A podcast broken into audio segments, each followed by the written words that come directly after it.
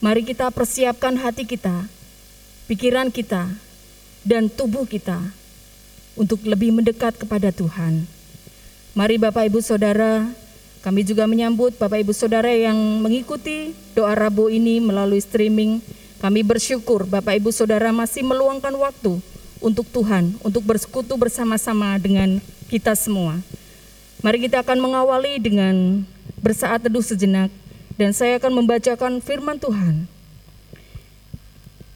Adalah baik untuk menyanyikan syukur kepada Tuhan dan untuk menyanyikan mazmur bagi namamu yang maha tinggi, untuk memberitakan kasih setiamu di waktu pagi dan kesetiaanmu di waktu malam. Dengan bunyi-bunyian, sepuluh tali dan dengan gambus, dengan iringan kecapi, Sebab telah kau buat aku bersuka cita ya Tuhan dengan pekerjaanmu, karena perbuatan tanganmu aku akan bersorak-sorai. Betapa besarnya pekerjaan-pekerjaanmu ya Tuhan, dan sangat dalamnya rancangan-rancanganmu. Demikianlah firman Tuhan. Banyak orang menjadi khawatir, gelisah, hidupnya tidak tenang, dan mungkin merasa kehilangan sukacita. Tetapi yakinlah bahwa ketika hidup kita, kita serahkan kepada Tuhan dan bergantung kepada Tuhan dan melibatkan Tuhan dalam kehidupan kita, pasti Tuhan akan bertindak. Hanya dekat Allah saja hidup kita akan tenang. Setiap kita yang menyerahkan hati kita, hidup kita kepada Tuhan, percayalah kepadanya, dia akan bertindak. Hanya dekat Allahku. Mari kita akan memuji nama Tuhan. Mari kita akan berdiri. Kita mempersiapkan hati kita untuk memulai ibadah pada sore hari ini. Hanya dekat Allahku.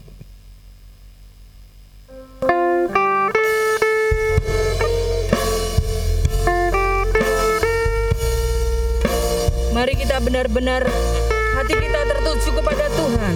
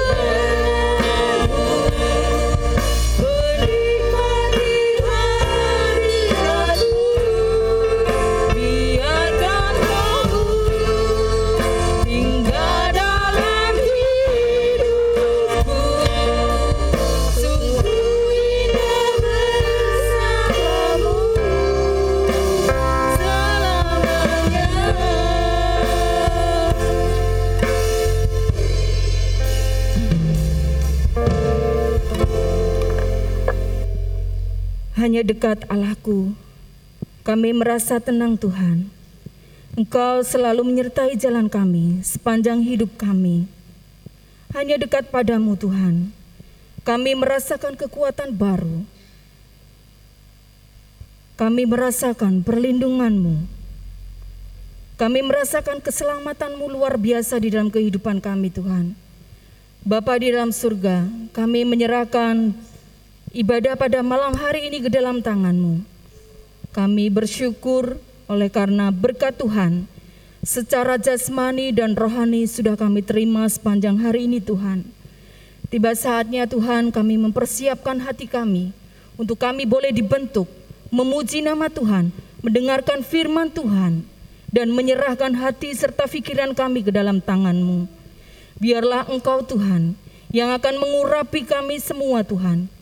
Kami menyerahkan setiap pribadi yang ada di tempat ini dan pribadi-pribadi yang saat ini mengikuti ibadah melalui streaming Tuhan. Kami percaya roh kudusmu Tuhan yang akan menyatukan kami. Dan kami bersyukur Tuhan, kami boleh menyempatkan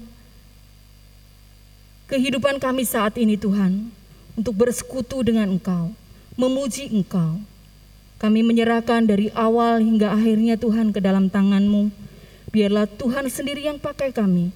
Biarlah pelayanan kami boleh menjadi berkat buat sesama kami.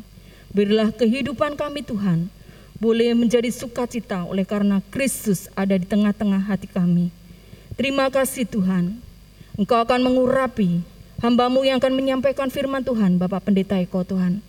Kami percaya Tuhan, Engkau akan pakai hikmatmu sehingga sabda Tuhan boleh menjadi berkat buat kami dan tinggal di dalam hati kami dan kami boleh melakukan kehidupan kami bersama Engkau. Terima kasih Tuhan, terima kasih. Kami menyerahkan Tuhan doa ini hanya di dalam nama Tuhan Yesus. Kami berdoa. Amin. Bapak Ibu dipersilakan untuk duduk kembali. Kita akan terus berdoa untuk bangsa dan negara kita. Kita berdoa untuk para pemimpin dan pemulihan bangsa kita dari masa pandemi COVID-19. Kiranya Tuhan Yesus terus akan menolong kita sehingga kita boleh melakukan aktivitas kita secara new normal dan kita boleh terus dipakai Tuhan untuk menjadi hamba-hamba yang berkenan di hadapan Tuhan dan kita selalu menomorsatukan kesehatan kita. Mari kita akan memuji nama Tuhan, besar dan ajaiblah karyamu sebelum kita berdoa untuk bangsa dan negara kita.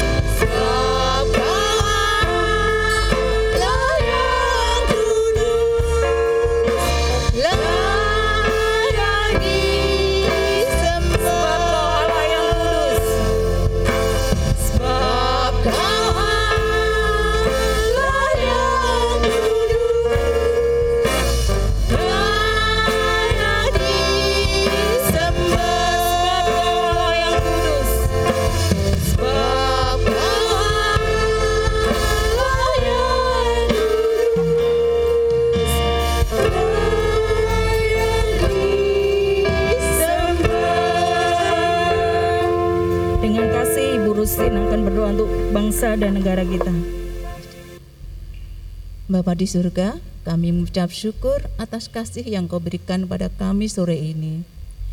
Kami berdoa bagi bangsa negara kami Indonesia tercinta, untuk Bapak Presiden dan Wakil Presiden, beserta para menteri serta jajarannya.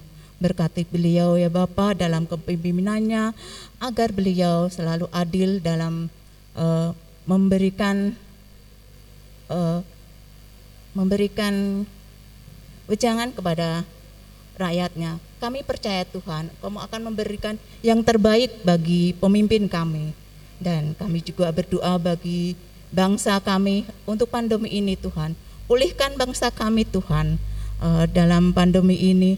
Kami yakin uh, Engkau akan memberikan bangsa kami lebih baik lagi dengan adanya pandemi ini. Dan serta bencana alam yang sudah Tuhan berikan pada bangsa kami. Pulihkan Tuhan kami yakin Engkaulah Tuhan dari segala Tuhan. Tuhan, terima kasih Tuhan untuk sore ini Engkau berikan kesempatan pada kami untuk berdoa bagi bangsa dan negara kami. Terima kasih Tuhan yang Engkau berikan pada kami. Hanya di dalam namamu Tuhan Yesus kami mengucap syukur dan berdoa. Amin. Amin. Allah itu baik, sungguh baik bagiku. Sebelum kita akan berdoa untuk pelayanan GBI Candi dan cabangnya, para hamba Tuhan dan program anggaran gereja tahun 2021 sebesar 52.500. Kita akan memuji nama Tuhan. Allah itu baik.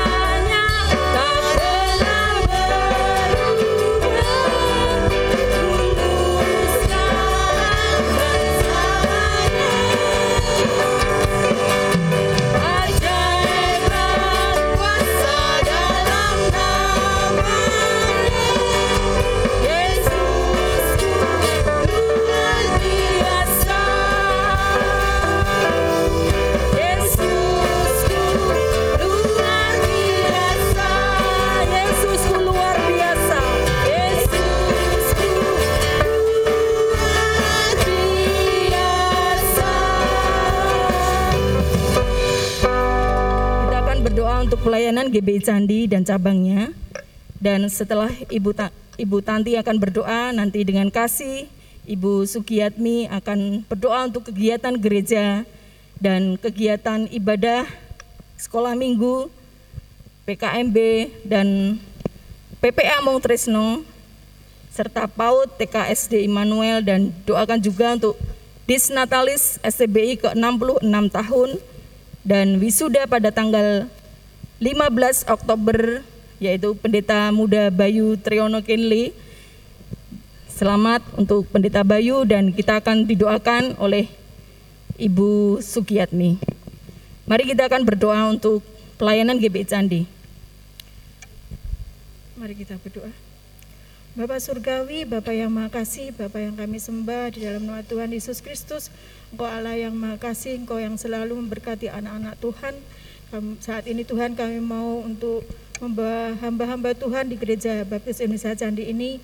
Kiranya Tuhan menolong, Tuhan berkati mereka, Tuhan berikan kesehatan buat mereka, Kau berkati pelayanan mereka, Kau berkati kebutuhan mereka dalam rumah tangga mereka Tuhan.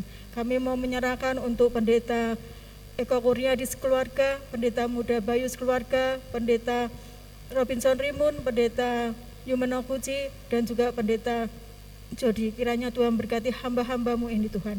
Dan tak lupa kami juga berdoa Tuhan untuk para diakon. Mereka juga ambil bagian dalam pelayanan ini Tuhan. Kau pun juga akan berkati mereka di dalam kesehatan mereka, di dalam pekerjaan mereka, Kau selalu memimpin mereka Tuhan untuk melakukan pekerjaan yang terbaik Tuhan. Kami menyerahkan untuk Diakon Widodo, Diakon Sumaryono, Diakon Murtina, Diakon Junaidi, Diakon Eko Marianto, Diakon Danu dan juga Diakon Puji.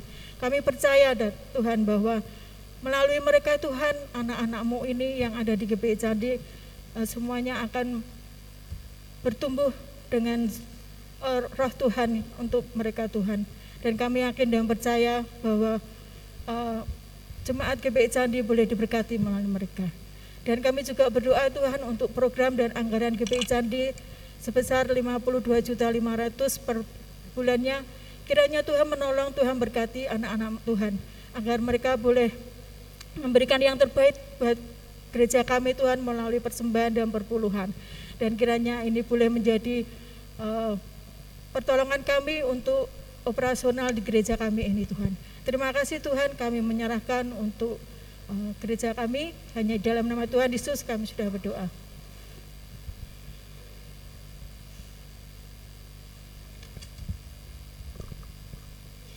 Bapak dalam surga, kami juga bersehati bersama. Kami mohon kemurahan Tuhan.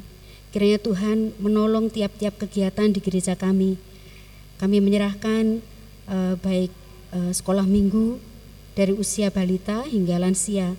Tolonglah para guru saat mempersiapkan diri dalam mengajar, biarlah mereka dapat mempersiapkan uh, pelajaran sehingga para murid dapat sungguh-sungguh mengenal Kristus secara pribadi, sehingga mereka boleh bertumbuh dan mengenal serta uh, mereka memiliki hubungan yang erat dengan Tuhan. Kami bersyukur Tuhan untuk para guru-guru sekolah minggu yang ada di, di gereja kami ini.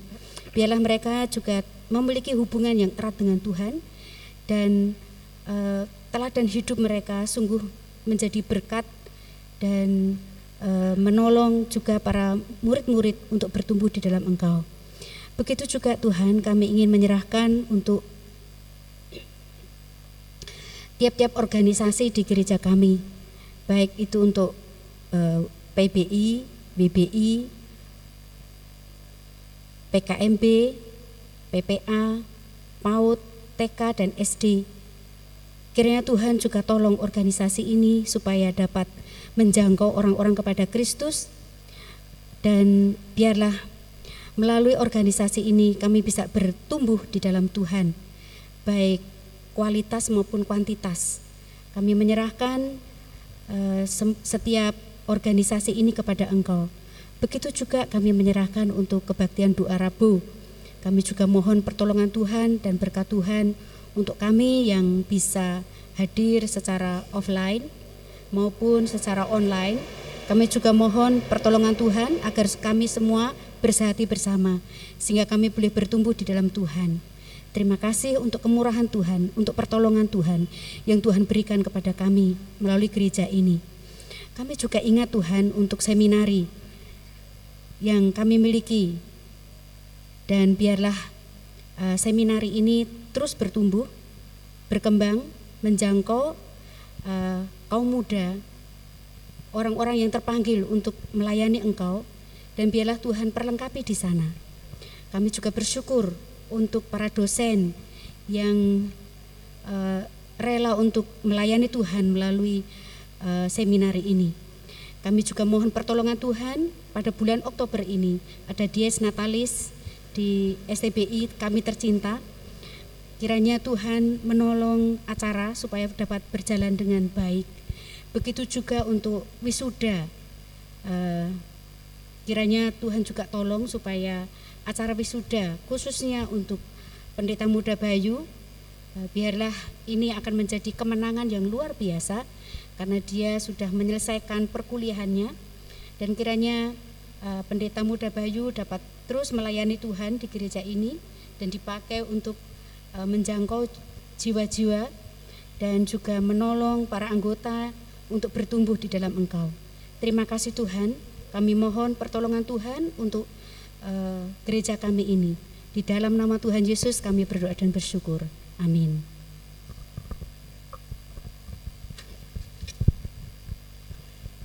Puji nama Tuhan. Ada banyak berkat yang sudah kita terima sepanjang hari ini dan tiba saatnya kita akan menerima berkat Tuhan melalui firman Tuhan. Tetapi sebelumnya mari kita akan memuji nama Tuhan. Bapa lembutkan hatiku. Mari kita akan berdiri, kita akan memuji nama Tuhan, menyiapkan hati kita untuk mendengarkan firman Tuhan.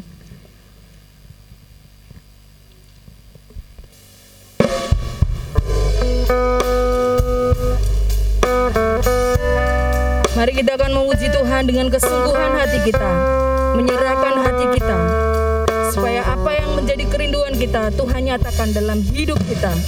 Bapak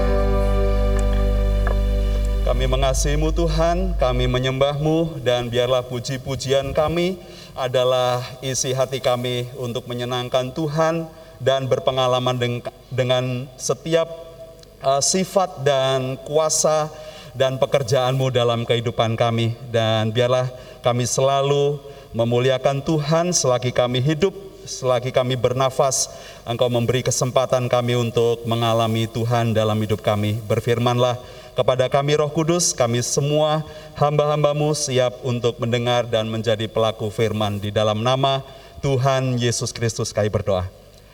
Amin. Silakan duduk kembali saudara-saudara. Ada sebuah cerita, suatu saat ada seorang pengkhotbah seperti saya lalu mengajak jemaatnya memuji Tuhan. Ini khotbah uh, biasanya di tengah-tengah seperti ini, tapi ini dibalik di awal langsung uh, dia berkhotbah karena pengatur baktianya bilang ini jemaatnya biasa terlambat pak, jadi biar khotbah langsung duluan.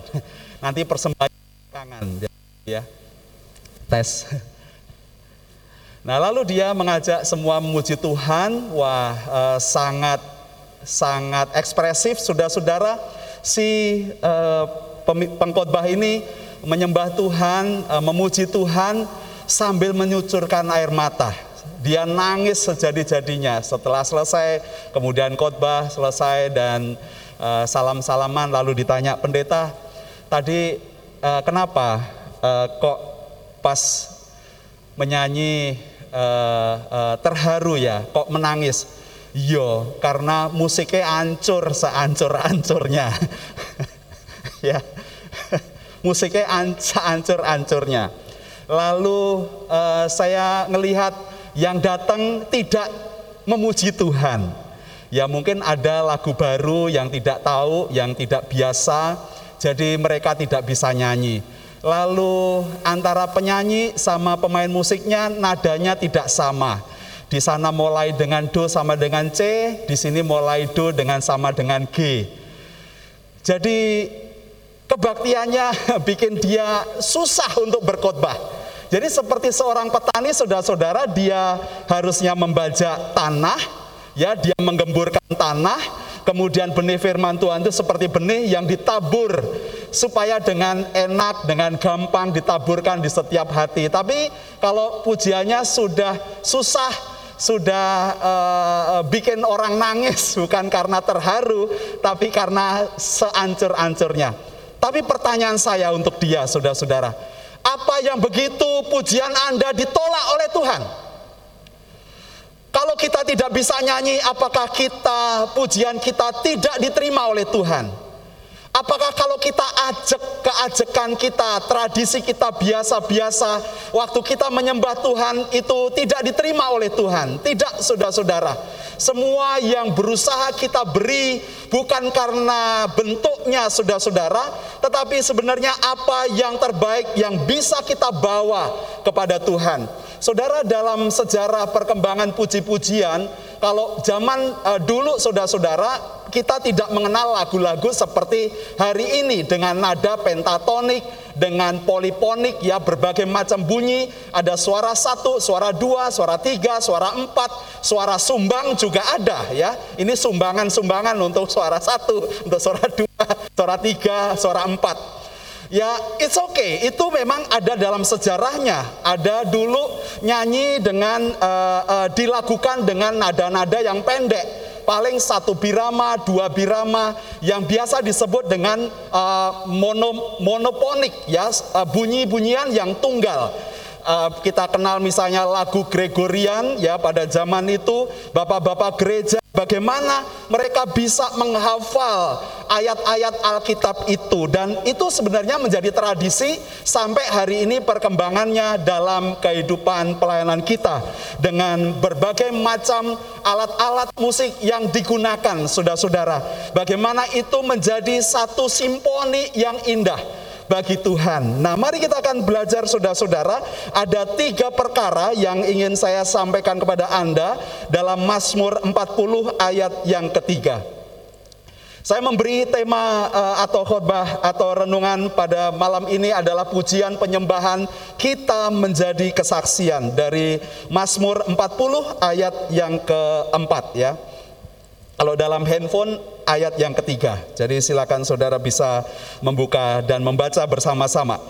Ia memberikan nyanyian baru dalam mulutku untuk memuji Allah kita.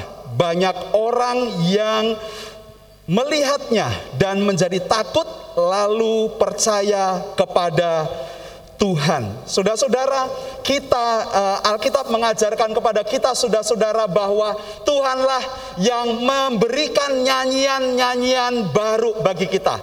Dalam sejarah perkembangannya saudara-saudara dalam kehidupan uh, kekristenan dalam perjanjian lama maupun perjanjian baru bagaimana umat Allah memuji-muji Allah. Bahkan dalam Mazmur 22 itu digambarkan bahwa Allah kita menjadi worship leader, menjadi pemimpin penyembahan bersama dengan umatnya yang dipilih, yang dipercayakan kepada dia untuk menjadi umatnya dan memberikan terbaik kepada Tuhan. Saudara, kalau Tuhan memberikan kepada kita nyanyian baru di dalam mulut kita untuk memuji muji Tuhan, bukan sekedar lagu saudara-saudara, bukan sekedar nyanyian yang kita lafalkan dengan bernada, bukan susunan dari ketukan-ketukan yang beraturan atau dengan suara yang harmoni, bentuknya poliponik yang harmoni atau dengan nada-nada yang indah.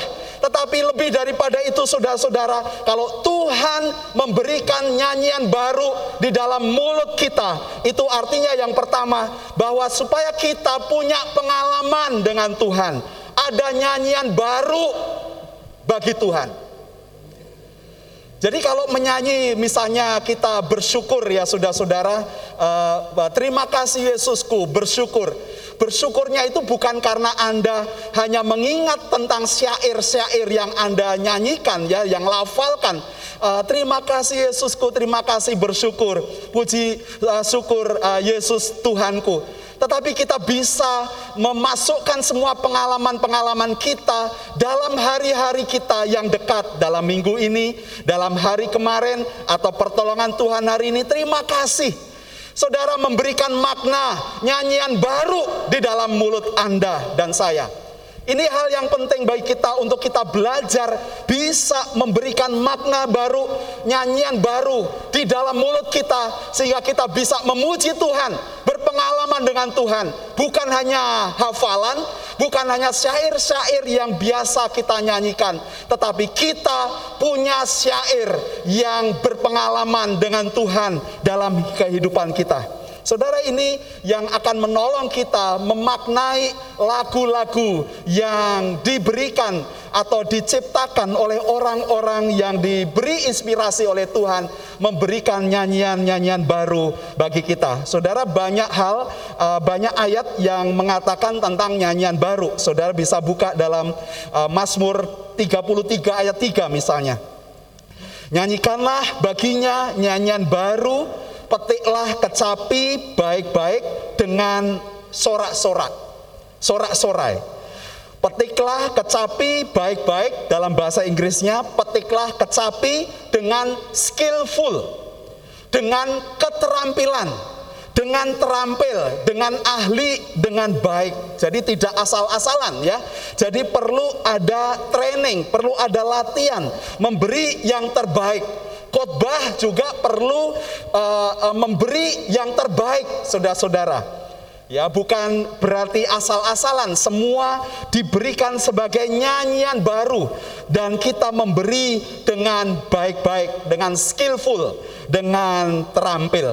Saudara, nyanyian baru juga bisa berarti uh, seperti dalam Wahyu pasal yang kelima. Saudara bisa buka Wahyu pasal yang kelima ayat 9 dan mereka menyanyikan suatu nyanyian baru. Ini nyanyian baru belum pernah dilakukan dan ini adalah nubuatan yang diberikan penglihatan oleh Tuhan kepada Rasul Yohanes dan mereka menyanyikan suatu nyanyian baru isinya engkau layak menerima gulungan kitab itu dan membuka meterai-meterainya karena engkau telah disembelih dan dengan darahmu engkau telah membeli mereka dari Allah dari tiap-tiap suku dan bahasa dan kaum dan bangsa.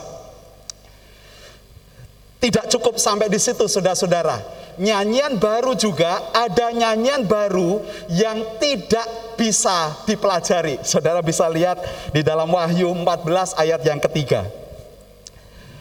Mereka menyanyikan suatu nyanyian baru di hadapan tahta dan di depan keempat makhluk dan tua-tua itu dan tidak seorang pun yang dapat mempelajari nyanyian itu. Selain daripada 144 ribu orang yang telah ditebus dari bumi itu. Saudara-saudara ini secara eskatologis ya nyanyian baru. Sampai ada nanti nyanyian yang tidak bisa kita pelajari saudara-saudara hanya 144 eh, ribu orang yang sudah ditebus yang bisa memuji-muji Tuhan. Ini gambaran dari umat Allah yang kelak kita bisa memuji-muji Tuhan dengan nyanyian baru. Jadi kalau ada biasanya pengkhotbah gini ya, ayo saudara belajar memuji Tuhan, mumpung ada di bumi ini e, bernyanyi memuji Tuhan. Ini latihan nanti di surga kita nyanyi memuji Tuhan loh, saudara. Tapi ingat secara eskatologis nanti ada lagu yang baru di sana, saudara-saudara. Yang belum pernah dipelajari di sini. Monggo derek Gusti udah nggak ada di sana ya.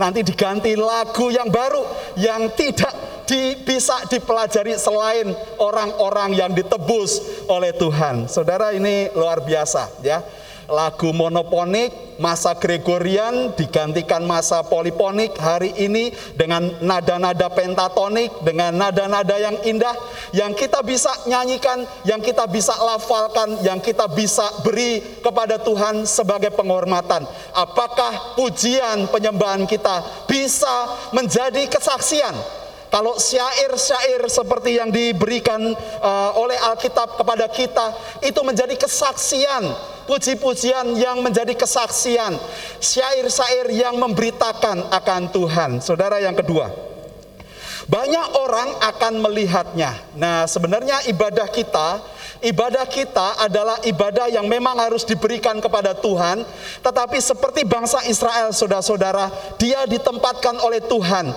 di tengah-tengah, uh, di sekelilingnya adalah bangsa-bangsa yang tidak kenal Tuhan. Jadi Allah Israel, Yahweh Elohim, dia menempatkan Israel di tengah-tengah. Jadi apa yang dia perbuat bagi bangsa Israel, ini menjadi pelajaran bagi orang-orang di sekelilingnya, termasuk di dalam penyembahan.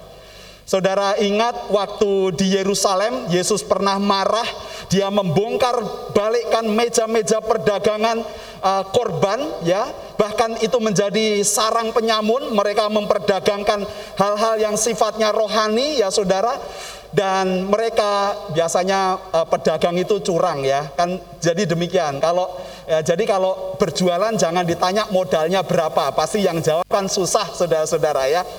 Enggak perlu begitu. Nah, jadi sebenarnya waktu Yesus marah bukan karena dia uh, semata-mata melihat apa yang terjadi waktu itu, tetapi sebenarnya pelataran bait Allah, tempat mereka uh, berdagang itu adalah tempat di mana bangsa-bangsa di luar Israel, orang-orang non-Yahudi, mereka datang ke bait Allah, tempatnya di pelataran bait Allah. Itu tempat mereka menyembah Tuhan di pelataran bait Allah. Makanya di dalam uh, kitab Injil mengatakan Yesus bahwa rumahku akan disebut rumah doa bagi segala bangsa karena di pelataran bait Allah itu adalah tempat posisi di mana bangsa-bangsa yang di sekeliling Israel yang bukan orang Israel mereka datang ke bait Allah mereka menyembah dan tempatnya di pelataran bait Allah kalau pelataran bait Allah sudah dipenuhi dengan meja-meja perdagangan, saudara, tidak ada tempat bagi bangsa-bangsa lain untuk menyembah Allah Israel, Yahweh Elohim, dan mereka tidak ada tempat bagi mereka dan mereka tidak pasti akan terganggu karena itu adalah tempat ibadah bagi bangsa-bangsa yang di luar Israel. Saudara kita memperhatikan bahwa ibadah kita Harusnya ini menjadi kesaksian bagi orang lain. Ada seorang pemuda yang selesai kebaktian, lalu saya dan Bu Endi uh, jumpai dia berkata, pendeta, aku pulang, sejak aku pulang, aku mau menjadi orang Kristen.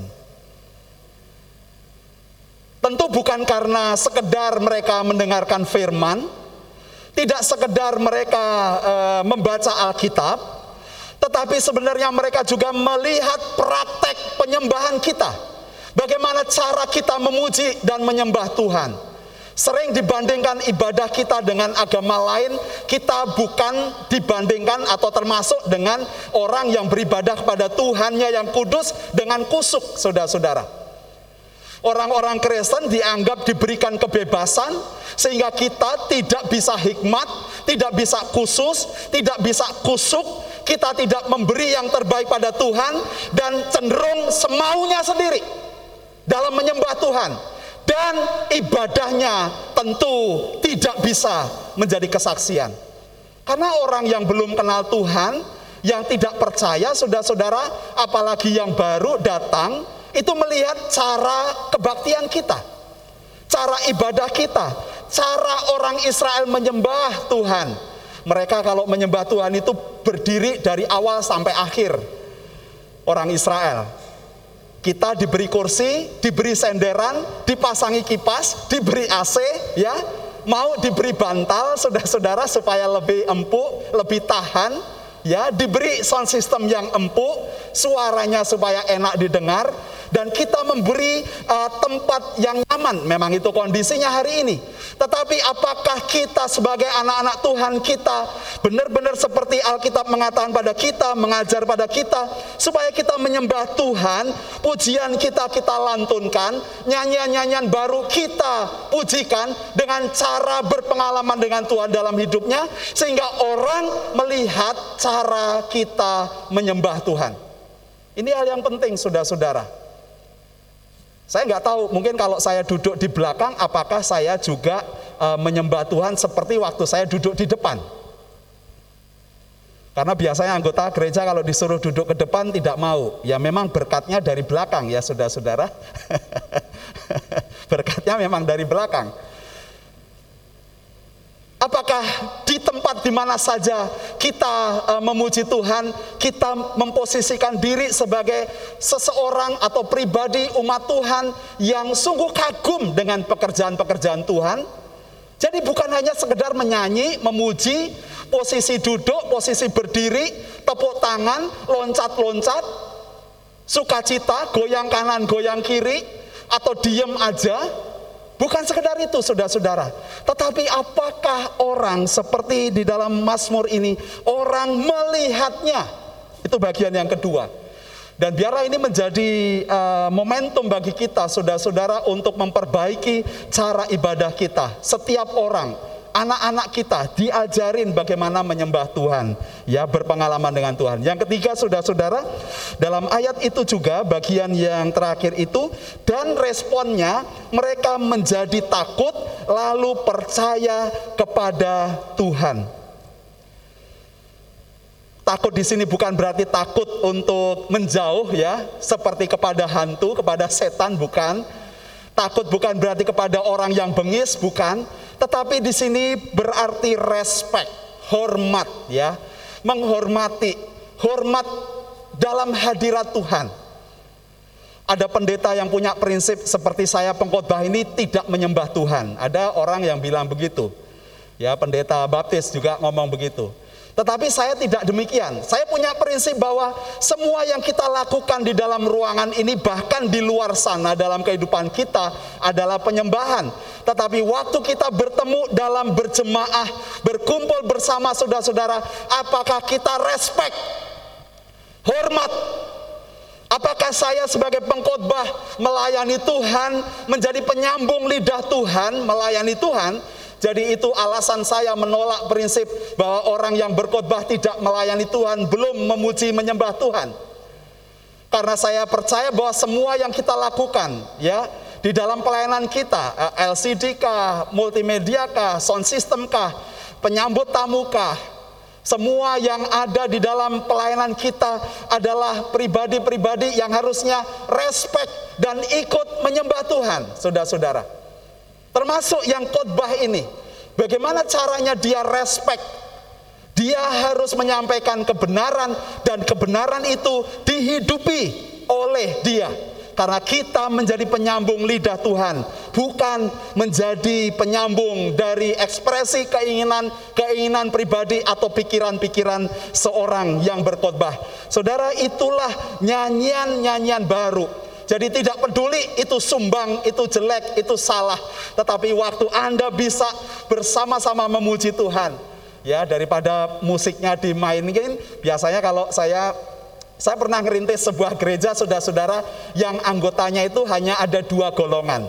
Satu tua, itu golongan pertama, yang golongan kedua tua banget. Jadi satu tua, yang golongan kedua tua banget. Jadi misalnya uh, waktu saya minta, oke okay, kita bagi kelompok ya, yang bawah nanti kumpul sendiri, yang atas nanti kumpul sendiri. Wah saya malah dituduh, ini pendeta Eko ini gimana? Jemaatnya udah sedikit, kok malah sekarang dipecah belah gitu katanya. Jadi ya saya juga harus ngatur bahasanya supaya kita bisa respect, kita bisa menjadi kesaksian, penyembahan kita bisa menjadi kesaksian, dengan kesederhanaan itu, dua golongan orang tadi ya saudara-saudara. Yang pertama orang yang sudah tua, yang golongan kedua orang yang tua banget.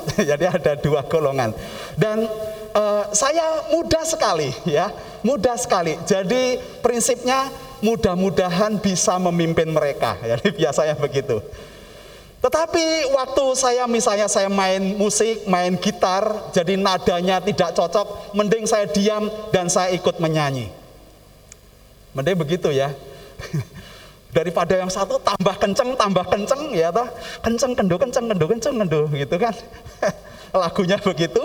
Ya mending begitu saya diam dan saya ikut menyanyi bersama-sama dengan mereka. Dengan mereka, suara aslinya. Saudara-saudara kita bisa juga dengan penuh hikmat. Ada dalam sebuah KKR, akhirnya listriknya mati, semua alat musik tidak bisa digunakan. Apakah kita nunggu listrik sampai nyala? Kan tidak, saudara-saudara. Mulai nyanyikan pujian kepada Tuhan. Oh, saya melihat orang menyanyi dengan sungguh-sungguh, dengan nangis, dengan cucuran air mata. Saya tanya kenapa? Lah listriknya nggak hidup-hidup pak. Loh, lah kamu itu memuji Tuhan. Jadi yang dia pikirkan listriknya nggak hidup-hidup, saudara-saudara. Sedih, malu, itu yang dia pikirkan. Jadi sebenarnya ini yang harusnya menjadi uh, uh, tema dalam kehidupan kita. Waktu kita menyembah, memuji Tuhan, ibadah kita itu adalah ibadah puji-pujian yang menyampaikan respect kita kepada Tuhan hormat kita kepada Tuhan, puji-pujian supaya orang yang melihat percaya. Saudara bisa melihat uh, beberapa ayat-ayat yang mirip seperti ini Saudara di dalam uh, Korintus misalnya tentang karunia-karunia. Paulus juga menggambarkan kalau mereka orang-orang yang tidak kenal Tuhan datang melihat cara Anda menyembah Tuhan dan di dalam jemaat ada yang ibadah tidak tertib, tidak teratur saudara-saudara dengan bahasa roh yang tidak dipahami, tidak ada penafsirannya. Bagaimana mereka bisa percaya? Saudara-saudara, ibadah kita, puji-pujian kita biarlah menjadi puji-pujian, penyembahan yang kita beri kepada Tuhan sebagai respek, hormat kita, kekaguman kita kepada Tuhan. Tetapi juga biarlah ibadah kita juga bisa menjadi kesaksian bagi orang lain. Di gereja, di dalam keluarga, KPW-KPW kita, kelompok kecil kita, di dalam kebaktian rumah tangga, di mana pun kita berada, di dalam kebaktian penghiburan, ya saya pernah datang di kebaktian penghiburan, saya pendeta muda Bayu, istri saya, Diakon Murtina, hanya dengan Bu uh, Sri Tanti, berlima saudara-saudara. Gimana ibadahnya? Saya undang yang punya rumah, suruh datang duduk, kita mungkin tidak perlu memuji Tuhan, kita bisa berdoa dan kita bisa menyampaikan firman dan kita bisa berinteraksi dengan mereka dan menyampaikan Injil kepada mereka. Itu jauh lebih penting daripada mereka melakukan praktek yang tidak mereka ngerti. Saudara-saudara, ini cara kita respect kepada Tuhan dan pujian penyembahan kita menjadi kesaksian agar banyak orang seperti orang-orang bangsa-bangsa di sekitar Israel melihat dan percaya kepada Allah Israel, Allah kita di dalam Tuhan Yesus Kristus. Mari kita memperbaiki cara pujian kita, saudara-saudara, penyembahan kita, kasih kita kepada Tuhan, dan itu menjadi lagu yang baru yang kita bisa beri kepada Tuhan. Saudara-saudara yang di rumah, saudara juga bisa uh, belajar memuji Tuhan, menyembah Tuhan, sekalipun itu bukan nonton YouTube ya saudara-saudara, bukan nonton streaming, itu adalah ibadah Anda. Gambarkan saya Eh, pelayan-pelayan ada di depan Anda dan Anda menyembah bersama-sama dengan kami. Mari kita perbaiki cara ibadah kita, respek kita pada Tuhan supaya bangsa-bangsa yang tidak kenal Tuhan melihat dan respek juga kepada Tuhan kita dan menjadi percaya. Amin. Mari kita berdoa.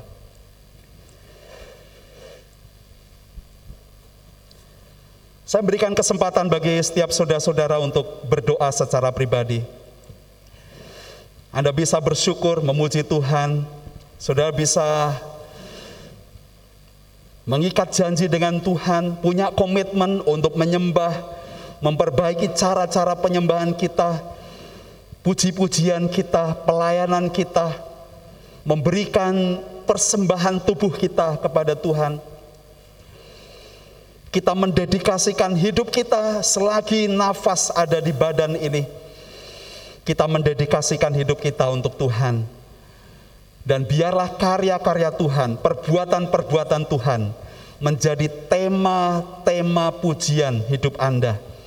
Supaya puji-pujian dan penyembahan kita akan menjadi kesaksian bagi banyak orang. Ya Yesus, makasih Tuhan. Kasih Tuhan. Terima kasih Tuhan. Ya Yesus, masya Allah. Haleluya. Yesus. Yesus. Ya Yesus. Ya Yesus. Haleluya. Ya Yesus. Ya Yesus. Saudara-saudara saya minta Anda, setiap Anda bisa berdoa untuk satu atau dua orang anggota gereja yang saudara ingin doakan, yang namanya ditaruh oleh Tuhan dalam hati dan pikiran Anda. Doakan pergumulan apa pun yang Tuhan taruh dalam hati Anda, sampaikan kepada Tuhan. Kasih Tuhan, kau berkatilah dan biarlah kasih Kau Allah yang ajaib menyediakan yang diperlukan. Engkau berkati bumi yang sedang mengandung Tuhan akan memberkati kandungannya. Dan anaknya proses persalinan dapat berjalan dengan baik, sediakan jadi kebutuhan baginya. Tuhan akan menjawab. Juga untuk Mbak Riris Tuhan Engkau akan berkati ya kandungannya Tuhan akan berkati. Terima kasih Tuhan, terima kasih. Inilah puji. Inilah syukur kami. Terima kasih Tuhan. Terima kasih. Mari kita akan berdiri bersama-sama. Bapa di dalam surga kami berdoa untuk jemaatmu Gereja Baptis Indonesia Candi. Kami berdoa untuk kehidupan setiap anak-anakmu Tuhan dari gereja induk sampai dengan cabang-cabangnya. Tuhan akan berkati setiap orang-orang tua diberikan hikmat bijaksana, diberikan uh, pertolongan Tuhan untuk mendidik anak-anak yang Tuhan beri di dalam keluarga mereka. Berkatilah setiap pekerjaan orang-orang tua kami Tuhan, berkatilah sehingga semua yang dikerjakan tangannya akan engkau berikan keberhasilan dan keberuntungan. Tuhan limpahkan rezeki, Tuhan akan beri sehingga dapat mencukupkan semua kebutuhan hidup sehari-hari dan bahkan bisa uh, menolong, membiayai anak-anak yang bersekolah. Tuhan akan memberkati sehingga pergumulan yang memerlukan uh, keuangan yang cukup diberkati oleh Tuhan. Berkatilah anak-anak kami dalam dunia pendidikan mereka semasa pendidikan daring, mereka yang sudah melewati melewati uh, masa tengah semester Tuhan akan memberkati sehingga anak-anak kami dapat menjalani semua proses pembelajaran dengan baik sekalipun secara daring. Berkatilah para guru-guru yang menyiapkan materi dan pelajarannya dapat disampaikan dengan sebaik-baiknya dan dapat diserap oleh anak-anak kami sehingga pendidikan, keterampilan untuk hidup dapat diserap oleh mereka untuk bekal bagi mereka atas pertolongan Tuhan untuk mereka bisa menjalani kehidupan mereka masa depan yang cerah yang gemilang yang Tuhan sediakan bagi anak-anakmu yang takut akan Tuhan yang bergantung kepadamu. Berkati eh, anak-anak uh, kami yang uh, mencari pekerjaan Tuhan Engkau akan memberkati mereka. Berkatilah uh, masa depan mereka cita-cita yang diharapkan supaya Engkau memberikan pekerjaan yang sesuai dengan talenta dengan karunia dengan bakat yang Tuhan sudah beri, dengan passion mereka, sehingga mereka dapat uh, mampu untuk mandiri menjadi generasi muda yang takut akan Tuhan juga, yang mandiri dan diberikan teman hidup, membentuk keluarga di dalam Tuhan, keluarga yang takut akan Tuhan, keluarga yang mengasihi Tuhan lebih daripada mereka mengasihi nyawa mereka sendiri. Tuhan berkatilah supaya kehidupan kami anak-anakmu diberkati dengan kesehatan.